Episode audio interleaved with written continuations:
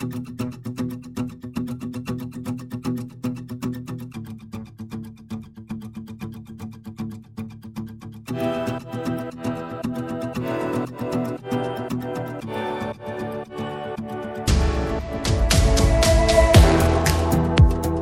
dobry, nazywam się Jarosław Kujsz, jestem redaktorem naczelnym Kultury Liberalnej i witam Państwa w naszej cotygodniowej rozmowie z cyklu Prawo do niuansu.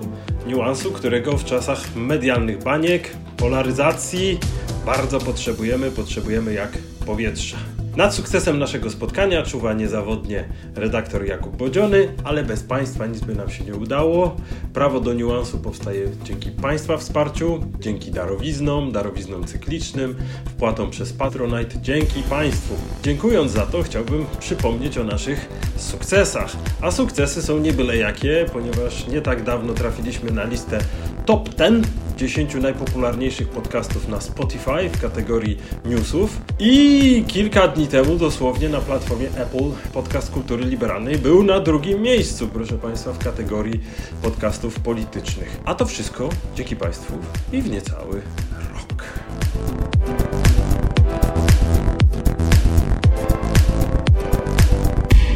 A dziś Dziś, proszę Państwa, porozmawiamy o autorze, o którym na pewno Państwo już kiedyś słyszeli. Kiedy wydawało się, że ambitna literatura piękna rozchodzi się z gustami czytelników, rozchodzi się na pewno z gustami czytelników masowych, na horyzoncie pojawił się bohater naszej dzisiejszej rozmowy. Już chciałoby się powiedzieć, przemknął jak kometa, ale wcale nie przemknął, bo wciąż zajmuje ważne miejsce na nie tylko pisarskiej, ale intelektualnej mapie Europy. Chodzi nam dzisiaj, proszę Państwa, o Michela Uelbecka, urodzonego w 1956 roku, który osiągnął status literackiej gwiazdy. Sława Uelbecka wykroczyła daleko poza Francję. W zasadzie od książki wydanej w 1998 roku Platforma, nie o żadnej polskiej partii politycznej, ale o turystyce seksualnej w Tajlandii i różnych związanych z tym perypetiami. Od 1998 roku powieści Uelbecka okazują się bestsellerami. To jest bardzo ciekawe, bo trafiają w gust czytelników i czytelnicy zaczęli traktować Uelbecka w taki sposób, jaki traktuje się niewielu pisarzy. To taki pisarz, z którym czytelnicy jego książek chcą podążać, ponieważ stał się dla nich jakimś punktem odniesienia w ich życiu. Nie tylko spotkań z książką, ale chcą się dowiedzieć, co on myśli. Opublikował całą paletę powieści, Możliwość Wyspy, Mapa i Terytorium, Uległość, Serotonina. To wszystko książki znane polskim czytelnikom. U nas w kraju, ale nie tylko u nas, wielkim sukcesem czytelniczym okazała się powieść Uległość.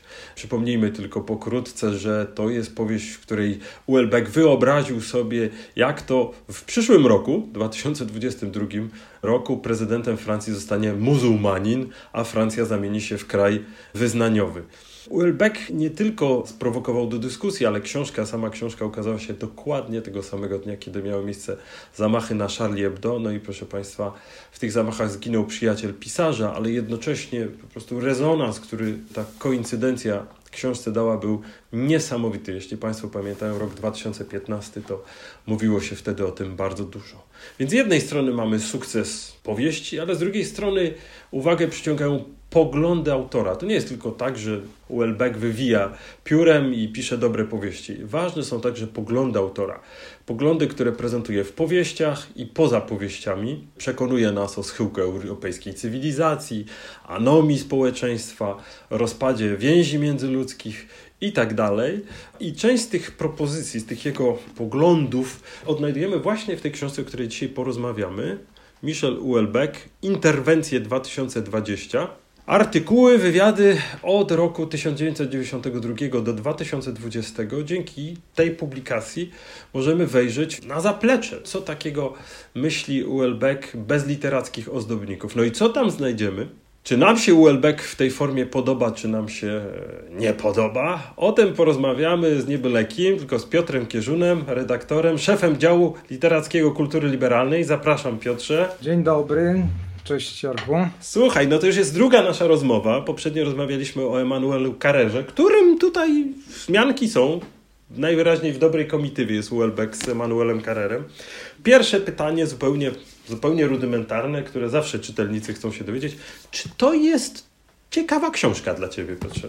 Dobra? Dobra, dobra, absolutnie dobra, pasjonująca, denerwująca, więc już spełnia podstawowy warunek dobrej publicystyki, to znaczy na pewno zmusza do myślenia.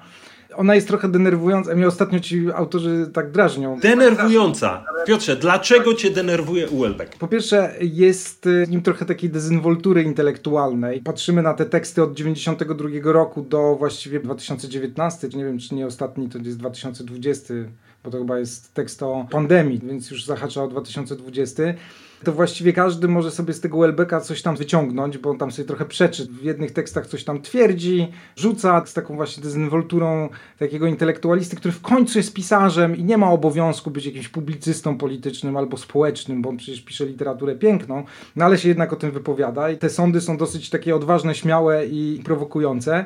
Za jakiś czas znowuż okazuje się, że zupełnie zmienia zdanie, więc go trudno złapać za słowo, jeżeli brać za dobrą monetę te wszystkie teksty, aczkolwiek oczywiście pewien wektor jeden jest.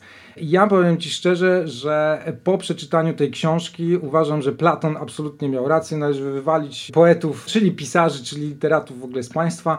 Oczywiście Platon sam zapomniał, że też był poetą de facto i te jego dialogi to też jest poezja i też powinno się go wziąć w nawias. Dlaczego? Bo jak zastosuje się wszystkie pozytywne projekty, które tutaj proponuje nam Welbeck, no to ja za bardzo w takiej Europie i w takim państwie nie chciałbym żyć, przyznam szczerze. Więc tak enigmatycznie, ogólnikowo na razie. Powiedz wobec tego naszym słuchaczom, naszym widzom, zanim wyślemy na wyspę Welbecka, czy tobie któraś e, książka tegoż autora się w ogóle podobała? Kiedy zacząłeś przygodę z Welbeckiem i czy była to w którymś momencie przyjemna przygoda? Moją pierwszą lekturą były cząstki elementarne, bo w Polsce myśmy nie zaczęli od pierwszej powieści, bo chyba Pożerzenie Pola Walki było pierwszą wcześniejszą, ona chyba w Polsce wyszła później, ale taką pierwszą dyskusją wielką o, o Welbecku, no to były oczywiście cząstki elementarne, potem poszły te wszystkie inne powieści jak Platforma, potem od razu zaczęto tłumaczyć właśnie możliwość wyspy i tak dalej, i tak dalej, ale cząstki elementarne były już trochę nawet echem takiej dyskusji wielkiej europejskiej, bo to wcześniej w Niemczech, we Francji bardzo o tym dyskutowano i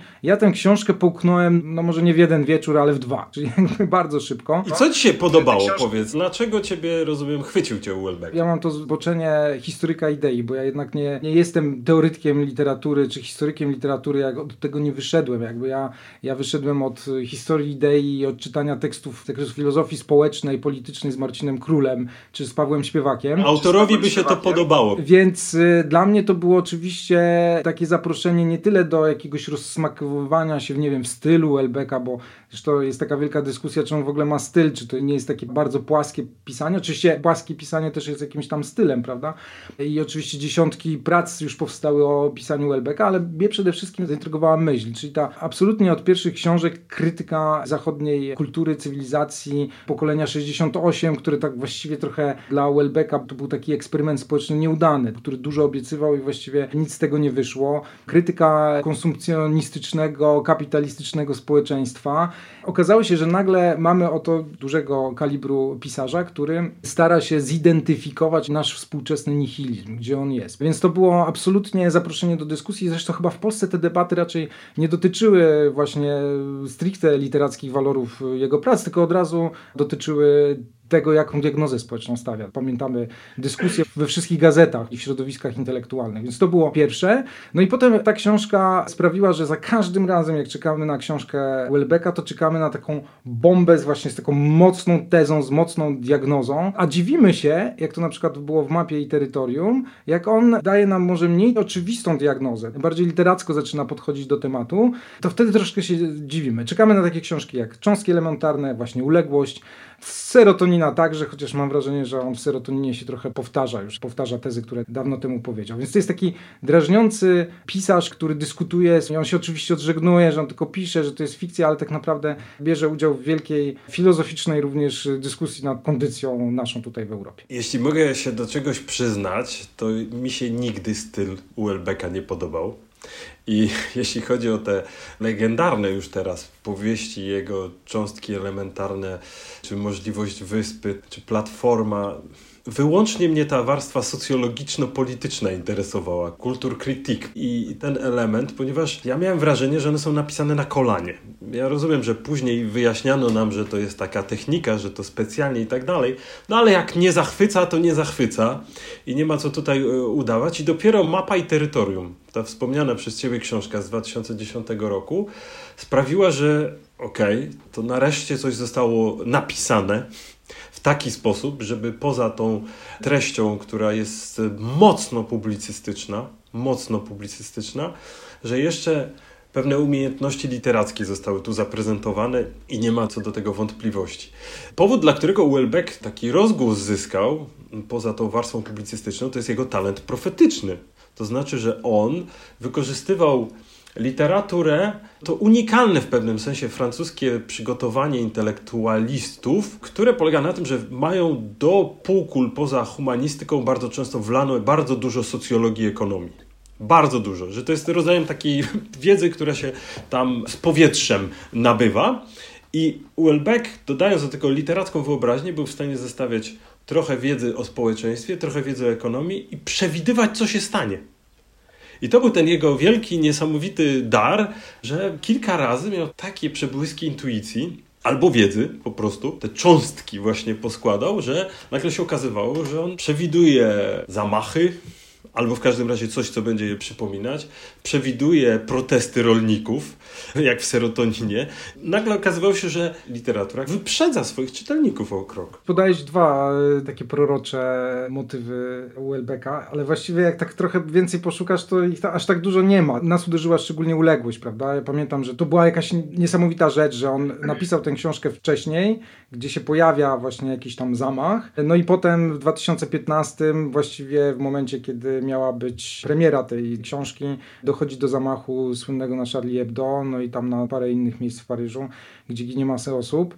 Wielki, wielki szok. To chyba sprawiło, że trochę patrzymy na Welbecka jako takiego proroka, jak powiedziałeś, i na przykład jak była serotonina, to też się ludzie od razu zaczynali doszukiwać, ojeju, ciekawe co napisze Welbeck, bo to na pewno się, się spełni. Rzeczywiście, wszyscy się zastanawiali, czy Welbeck w serotoninie przewidział żółte kamizelki, protesty i tak dalej, i tak dalej. No, w uległości mamy prezydenta muzułmanina, tak jak powiedziałeś we Francji. Jakoś się nie zapowiada, żeby tak było. Ja myślę, że u jest e, interesujące co innego, a co innego drażniące, bo tak e, przechodząc też trochę do tych tekstów, które teraz czytaliśmy. Tu przypominam, że przed nami interwencje 2020. Tak. Ja mam takie wrażenie, że jak my w ogóle czytamy książki Welbecka, my tak naprawdę powinniśmy, mówię, my przekonani o liberalnych wartościach, my liberałowie, czy liberalne społeczeństwo, nie definiuję teraz słowa liberalne, traktuję jego bardzo szeroko, to powinniśmy tak naprawdę z oburzeniem zamykać te książki, bo to jest troszkę jak oglądanie Dnia Świra, że my się przyglądamy w takim krzywym zwierciadle w tych książkach i właściwie on pisze o nas, pisze rzeczy bardzo nieprzyjemne. My tworzymy to społeczeństwo, które on tak naprawdę krytykuje. Więc to jest interesujące, to jest zajmujące, aczkolwiek strasznie dziwne czasami, że z takim entuzjazmem do tego podchodzimy. Tak jakby to nie nas krytykował, tylko jakieś takie bezforemne społeczeństwo, jakieś systemy, struktury. Ale kiedy zabiera się za jakieś pozytywne rzeczy, to ja przyznam szczerze, że ja wtedy mówię dziękuję. To znaczy w tym zbiorze wywiadów wywiadów i tekstów publicystycznych, to jak czasami coś zaczyna mówić, to mam wrażenie, że okej, okay, w wersji takiej negatywnej, gdzie on coś krytykuje, to ja mogę z tego coś wynieść dla siebie i rzeczywiście on zmusza do myślenia, nawet jak nadeptuje na mój odcisk, ale jak zaczyna mówić na przykład o polityce, jest to taki z mojego punktu widzenia kuriozalny tekst o Donaldzie Trumpie, gdzie tam go wychwala w kilku punktach, uważa, że on jest absolutnie świetny prezydent to mam wrażenie, mój Ty Boże, niczym się nie różni, nie jest ani profetyczny, ani proroczy, ani z diagnozą nie jest jakiś do przodu. Być może jest głosem tych ludzi, którzy rzeczywiście jakoś Trumpa cenią, ale znowuż mi to jakoś specjalnie jego fenomenu albo jego osoby czy polityki przez niego prowadzonej nie wyjaśnia. Może, żeby Państwo mogli z nami bardziej wejść w naszą rozmowę, to może fragmencik, żeby Państwo wiedzieli. Tytuł tego artykułu brzmi Donald Trump jest dobrym prezydentem. No to to już jest dobry początek. To jest tekst 2019 roku, czyli wtedy, kiedy Trump był prezydentem.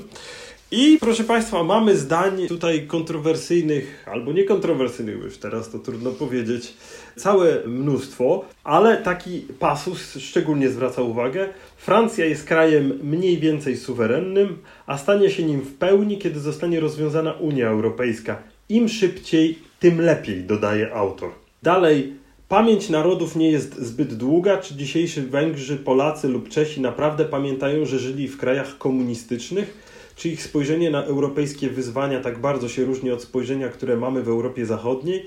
Można w to poważnie wątpić. Prezydent Trump. Prezydent Trump drze traktaty i umowy handlowe, kiedy uważa, że niepotrzebnie je podpisał i ma rację. Trzeba umieć korzystać z okresu odstąpienia od umowy. W odróżnieniu od liberałów, na swój sposób równie fanatycznych jak komuniści, prezydent Trump nie uważa wolności światowego handlu za alfę i omegę postępu ludzkości. Kiedy swobodna wymiana handlowa jest korzystna dla interesów Ameryki, wówczas prezydent Trump wspiera wolną wymianę handlową. W przeciwnym wypadku uważa, że warto stosować stare, dobre środki protekcjonistyczne i tak dalej, i tak dalej.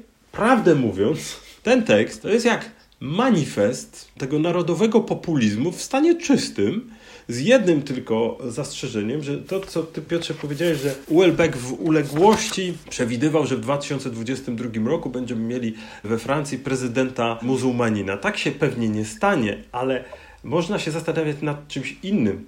Nad tym, na ile Uelbeck ze swoim gigantycznym autorytetem i wpływem intelektualnym, także na Francję, wywołał odwrotną dynamikę. To znaczy, że on tak naprawdę od 30 lat za chwilę będzie w istocie przygotowywał tę kontragendę.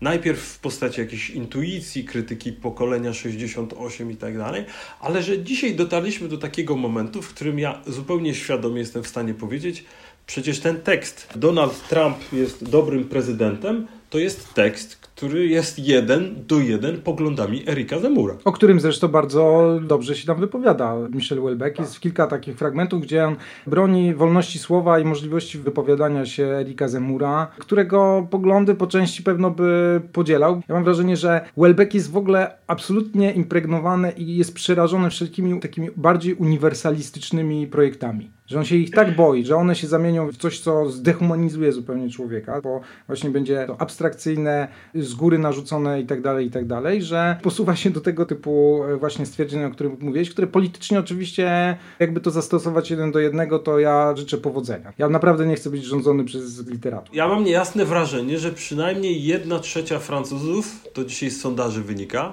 znakomicie odnajduje się w tym światopoglądzie Michela Houellebecqa, Odnajduje się w tym mnóstwo zwolenników narodowego populizmu, a także, o czym wspomniałeś wcześniej, po prawej stronie polskiej sceny politycznej Michel Houellebecq był czytany. I to bardzo mocno. I wydaje mi się, że to jest e, przykład pisarza, który współtworzy klimat epoki. Z całą pewnością jest to jeden z tych pisarzy, tak jak Milan Kundera współtworzył klimat epoki schyłku zimnej wojny, tak Michel Houellebecq ewidentnie współtworzy klimat niech będzie tego narodowego populizmu w Europie i Stanach Zjednoczonych, ponieważ on w tym pływa jak rybka w wodzie i jeszcze na dodatek dostarcza super ciężkich intelektualnych argumentów, bo tutaj możemy przejść od razu do tego, że to nie jest tylko polityka. To by było zbyt płaskie, to by było w ogóle pewnie nieciekawe to jest także na przykład jego zestaw poglądów na tematy wyznaniowe. Tak, tak, bo ty mówisz, że, że go prawica czyta i interpretuje. Ja mam wrażenie, że wszyscy go czytają i pytanie jest, kto go dobrze rozumie. Pamiętam, jak w zeszłym roku byłem zaproszony przez Paulinę Wilki, Annę Król do wygłoszenia takiego bardzo krótkiego, dziesięciominutowego speechu, powiedzmy, przed y, czytaniem performatywnym serotoniny, właśnie Welbecka, na festiwalu Big Book, y, który odbywa się co roku w Warszawie. No i publicznie publiczność tego festiwalu no jest, moglibyśmy powiedzieć, lewicowa, liberalna, lewicowo-liberalna, no na pewno nie jest prawicowa, tak w większości, jak patrzeć na odbiorców. I oni byli zachwyceni Welbeckiem. Nie tylko zaintrygowani intelektualnie, ale też widać było, że ta publiczność myśli, Welbeck to jest ktoś od nas, to jest nasz człowiek, który nam oczywiście próbuje jakieś trudne prawdy powiedzieć o nas, ale on na pewno nie chciałby zaprowadzić narodowego populizmu, na pewno by nie chciał zaprowadzić. I tak sobie pomyślałem, kto ma rację właśnie? Czy Welbeck jest takim gzem z wewnątrz liberalnego świata, który próbuje nas dźgać, trochę jak Sokrates, prawda? Że on jest Ateńczykiem, no i tych Ateńczyków dźga i tam im pokazuje. Czy jest kimś zupełnie z zewnątrz, zupełnie innego imaginarium, które przychodzi i my nie do końca go tak trochę rozpoznajemy. To był dla mnie taki fenomen, to mnie bardzo uderzyło. Tym bardziej, że a propos wyznaniowości, o której mówiłeś, to czytanie skończyło się jednymi z ostatnich stron serotoniny, gdzie ni mniej, ni więcej pojawia się postać Chrystusa. Bardzo pozytywnie tam ujęty, jako ktoś taki, który daje jakąś taką ulgę temu Claude Florantowi, czy Florantowi Claude'owi już nie pamiętam dokładnie. Jak ja bym nie znał do końca Welbecka, to bym pomyślał, kurczę, to jest jakiś taki dekadent, jak XIX-wieczny dekadent, jak właśnie taki Wismans albo nie wiem, Oscar Wilde, który na koniec się nawraca i jakoś tam szuka pocieszenia w wierze religijnej. I patrzyłem na, na ludzi, którzy tego słuchali, którzy ewidentnie to nie był narodowy populizm, też jakoś tam zespawany u nas w Polsce z religią, z katolicyzmem. I sobie myślałem, to jest niesamowite. Niesamowity sukces w ogóle Welbecka. Jak on to robi, że potrafi pisać tego typu książki, gdzie po prostu na pewno połowa politycznych tekstów jest taka, że w życiu byśmy się pod tym nie podpisali, a jednocześnie czujemy, że to jest y, ktoś od nas, jeden z nas. To bardzo rzeczywiście jest ciekawe. Tutaj jest taki fragment wywiadu, jednego z wywiadów, które znajdują się w tomie Interwencje 2020, kiedy autorka wywiadu pyta Michela Uelbecka o to, że mówił o sobie, że jest ateistą, całkiem niedawno zaś po ukazaniu się uległości określił się pan jako agnostyk. Jakby pan nazwał swój obecny, osobisty stosunek do religii? Michel Uelbeck odpowiada: Znacznie osłabł, gdyż mam wrażenie, że sprawa jest beznadziejna. Nigdy nie uwierzę, zawsze będę wątpić, tak więc machnąłem ręką. Co nie zmienia faktu, że ten ton pół serio, kiedy mamy tutaj trzy dekady jednak wypowiedzi różnych Uelbecka, i ten jego ton pół serio, który pozwala mu na różne brewerie, tu niby poważne sprawy o religii, albo machnę ręką, prawda, albo zamieni to w powieści na jakiś taki krotochwilny wątek, że jednak jest pewien nie tylko stały zestaw tematów, ale też stały zestaw odpowiedzi, które pozwalają bohaterom powieści Welbecka, czy to żyć, czy to przechodzić przez życie, czy wreszcie pisarzowi wypowiadać się jako publicysta w tych książkach. I jednym z takich powracających wątków jest kryzys katolicyzmu. Jego to bardzo interesuje, bardzo zajmuje i to jest kryzys katolicyzmu, który on oczywiście zestawia z konfrontacją z muzułmanami we Francji.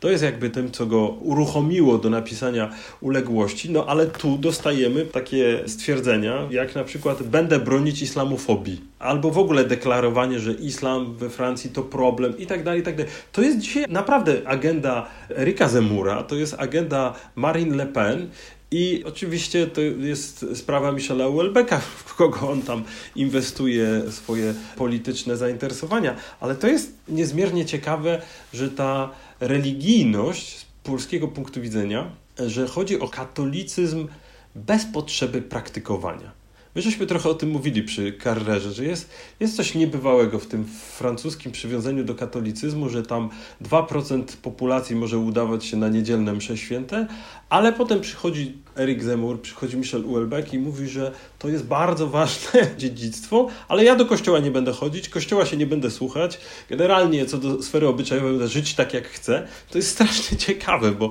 to jest cały czas trudne do pomyślenia w Polsce. Jest taki, zdziwił mnie ten tekst akurat, ten wywiad, który się pojawił. To jest inny wywiad niż ty zacytowałeś. To jest wywiad z takiego amerykańskiego, katolickiego czasopisma First Things, które chyba zostało tam założone przez takich katolickich liberałów wolnorynkowych amerykańskich, George Weigel, Michael Nowak e, i tak dalej, i tak dalej.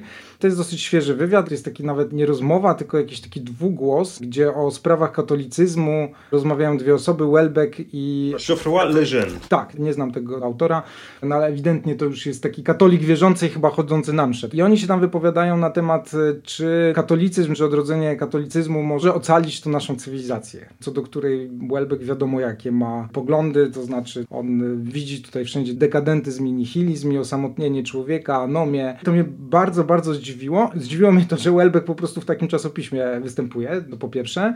No i zaintrygowało, co on tam będzie mówił. Z tego wywiadu można wywnioskować, że jemu jest brakuje pewnej takiej takiego porządku społecznego. Znaczy dla niego katolicyzm jakoś tam porządkuje sferę publiczną w tym sensie, że to, co jest teraz dla niego zdehumanizowane, czyli liberalno-technologiczno-rynkowe zasady wprowadzają, gdzie ludzie stają się właśnie konsumentami, a nie członkami wspólnoty, no to katolicyzm mógłby to przywrócić.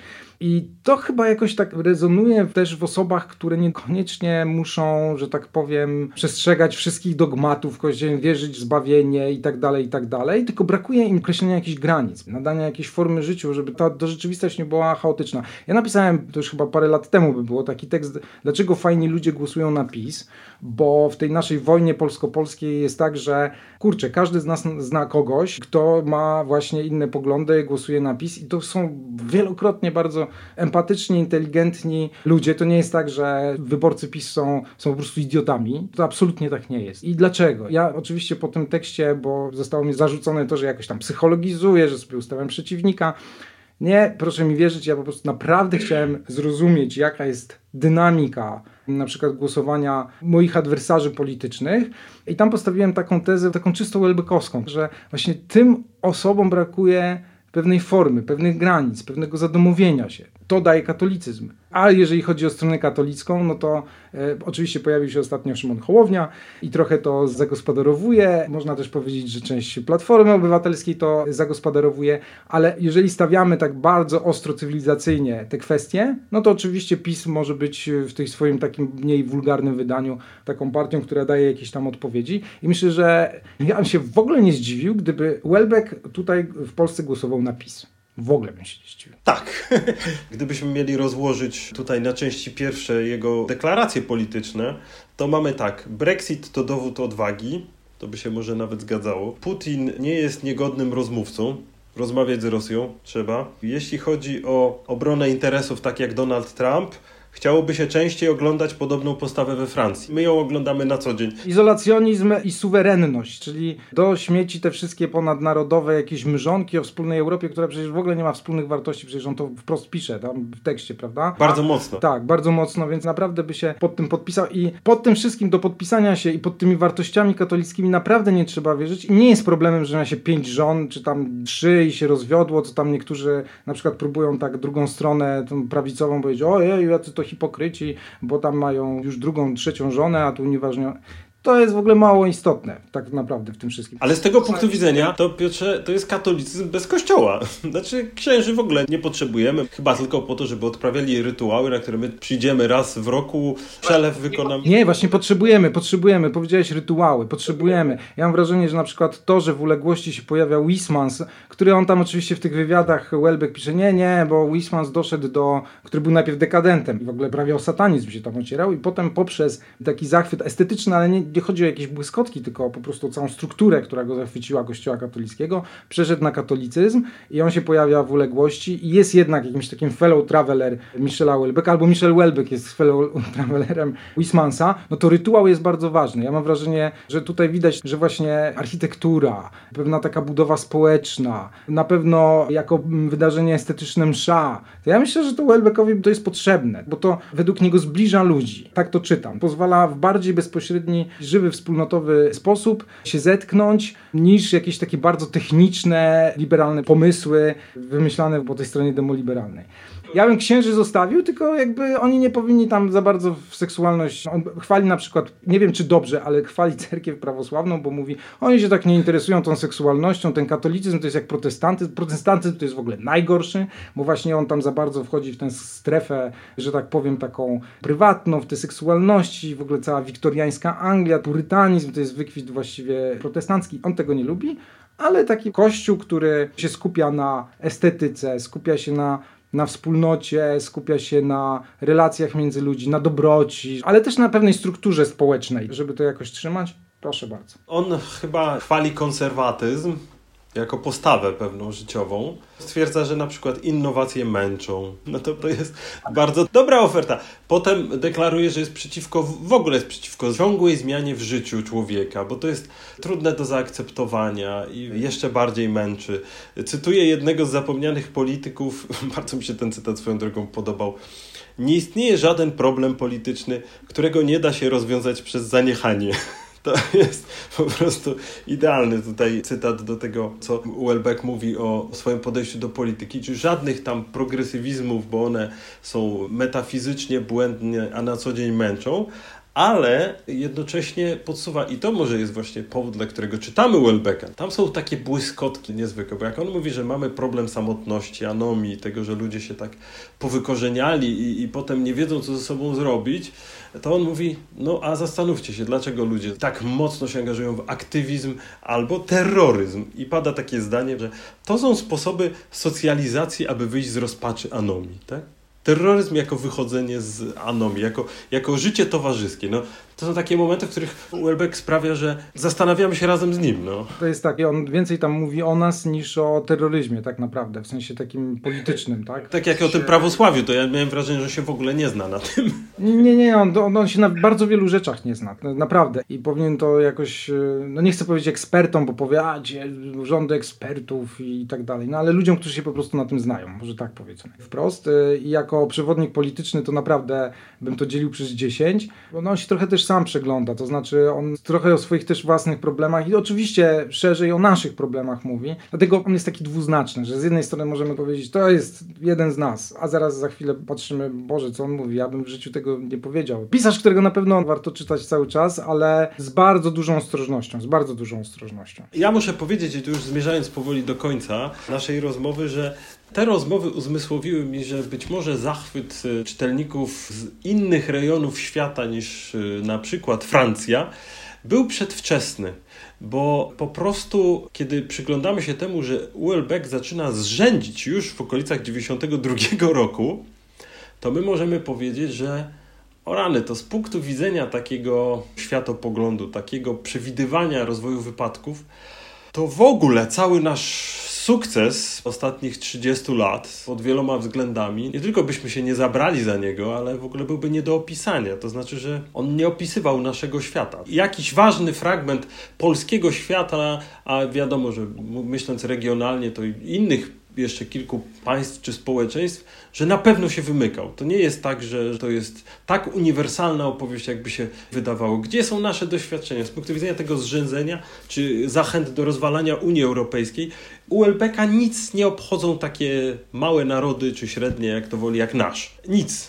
To w ogóle jest dla niego nieistotne i z tego punktu widzenia może sobie tam nawet tę Unię Europejską zlikwidować, żeby tylko suwerenizm we Francji kwitł i nadawał sens jemu jako człowiekowi, ale prawdę mówiąc, to my powinniśmy czytając go bardzo się mocno drapać w głowę i zastanawiać nad tym, o, to tak wyglądają te zasoby intelektualne na przyszłość, no to trochę skóra cierpnie, bo my w takim wydaniu, jakie prezentuje Lubiany także nad Wisłą Welbeck, lądujemy za burtą. Ja tylko na sam koniec tylko powiem, że czekam na jeden temat, żeby się Welbeck zajął, bo jestem ciekaw, co by napisał, bo on jeszcze nie napisał takiej powieści, w której by rozłożył na części pierwszej internet i media społecznościowe. I akurat to jest jego siła, bo ja czekam, co by powiedział, więc to jest jego siła, bo on pisze o internecie, na przykład o pornografii, jak pisze i dostępności w internecie, to, to oczywiście się wypowiada, ale na przykład o mediach społecznościowych, jego wpływie na stosunki międzyludzkie, to tam niewiele jest w jego powieściach. Jeżeli by wydawał następną i byłoby o tym, to bym oczywiście czytał, zgrzytał zębami, pukał się w czoło przy niektórych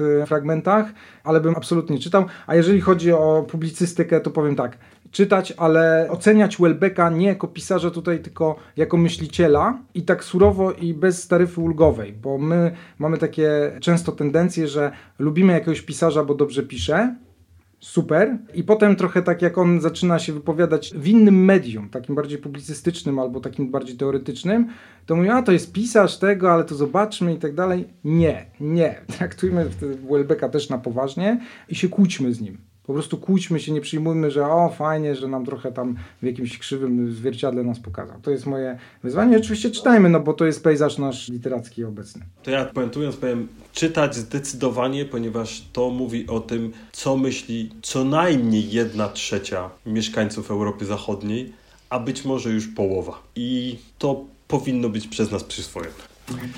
Piotrze, dziękuję Ci bardzo. Dziękujemy. Polecamy naszą rozmowę o Emanuelu Carrerze. Będzie też podlinkowana na pewno dla Państwa.